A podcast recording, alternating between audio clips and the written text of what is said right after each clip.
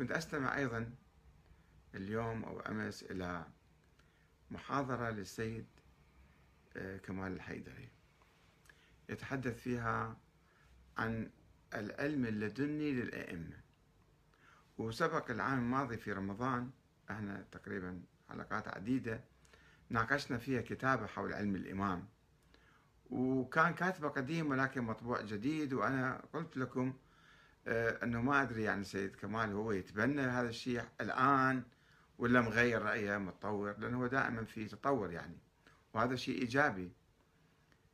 ولكن بالحوزة عموما يعني ما أعرف كيف يدرسون أبحاث عقيمة.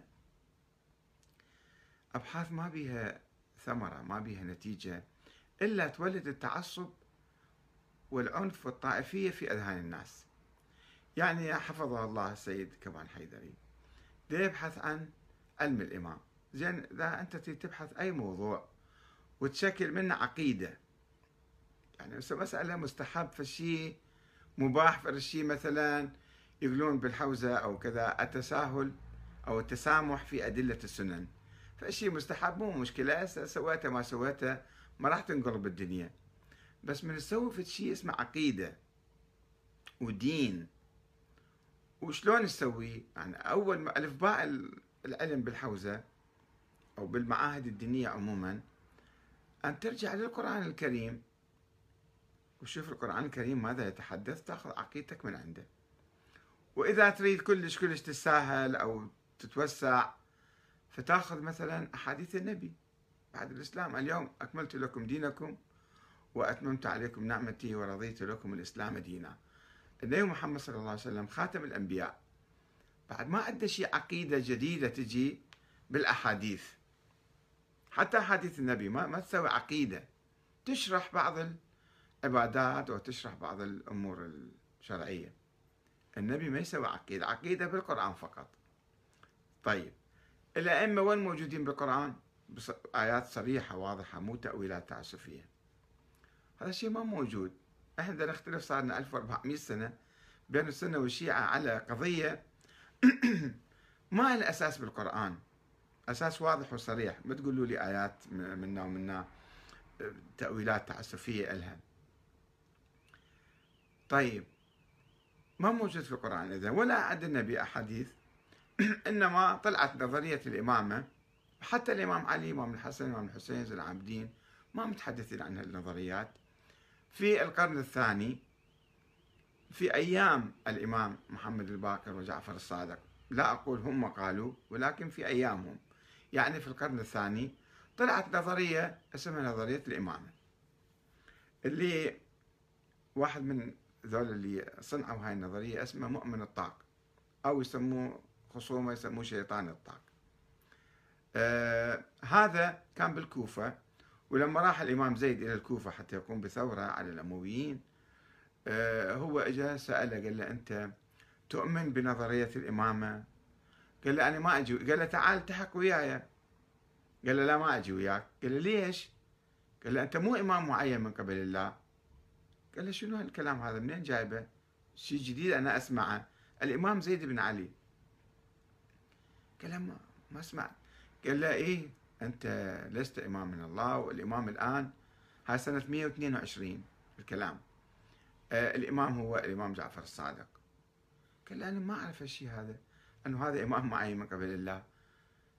أبويا ما قال لي أبويا كان يحبني هواية إمام زين العابدين يحبني هواية وكان يبرد اللقمة الحارة ويحطها بحلقي. إيش كان يحبني يعني. فلماذا لم يخبرني عن هاي العقيدة اللي أنت تقولها ومطلعها جديد؟ قال له إيه أبوك؟ كان يحبك زايد وخاف يقول لك بهاي العقيدة وأنت ما تقبل وتروح للنار. شوف شلون شلون تأويل وشلون تبرير. المهم ما التحق في هذا. قال له أنا ما أجي وياك. فسماه هو وجماعته الرافضة الذين رفضوه في أثناء الثورة. بعد ما كانوا ناس مبايعين وعفوا عنه صفهم الرافضة.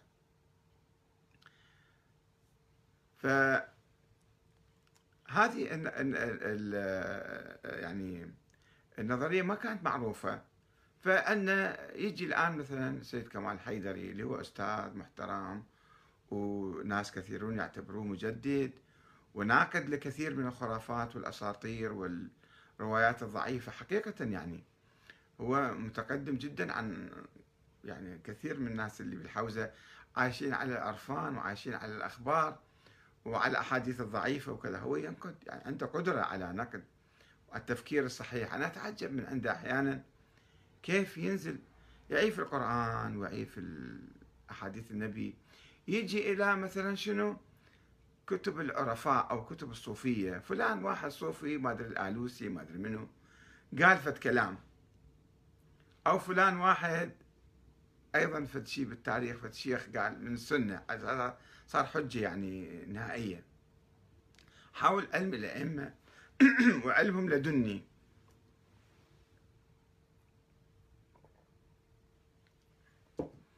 طيب من تقول علم لدني شنو يصير؟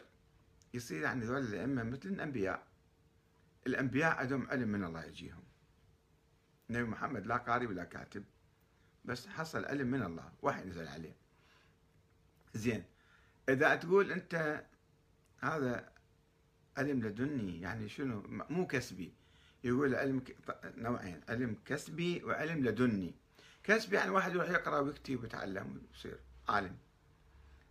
ولدني لا من الله لا يقرأ ولا يكتب ولا شيء راسه يصير كبير ويقوم يتعلم. يعني صاروا مثلا الأئمة عندهم علم لدني صاروا درجتهم مثل الأنبياء. وبعض الغلاة من الشيعة يصعدهم حتى فوق الأنبياء. حتى فوق العزم ما عدا النبي محمد يقولون. من الغلو والتطرف بعد ما له حدود. طيب هنا أنت شنو سويت؟ سويت مشكلتين. مشكلة أنه آه، ملأت رؤوس الناس وذول الطلبة ما قاعدين ما يناقشون الأستاذ ما يبحثون وياه. أنا أنت شنو جايب لي قاعد تستشهد بكلام الصوفية وكلام العرفاء. العرفاء شنو؟ عرفاء ما عنده شيء اسمه عرفاء. واحد يعرف الله اي بس مو يسميه عارف هذا كذا.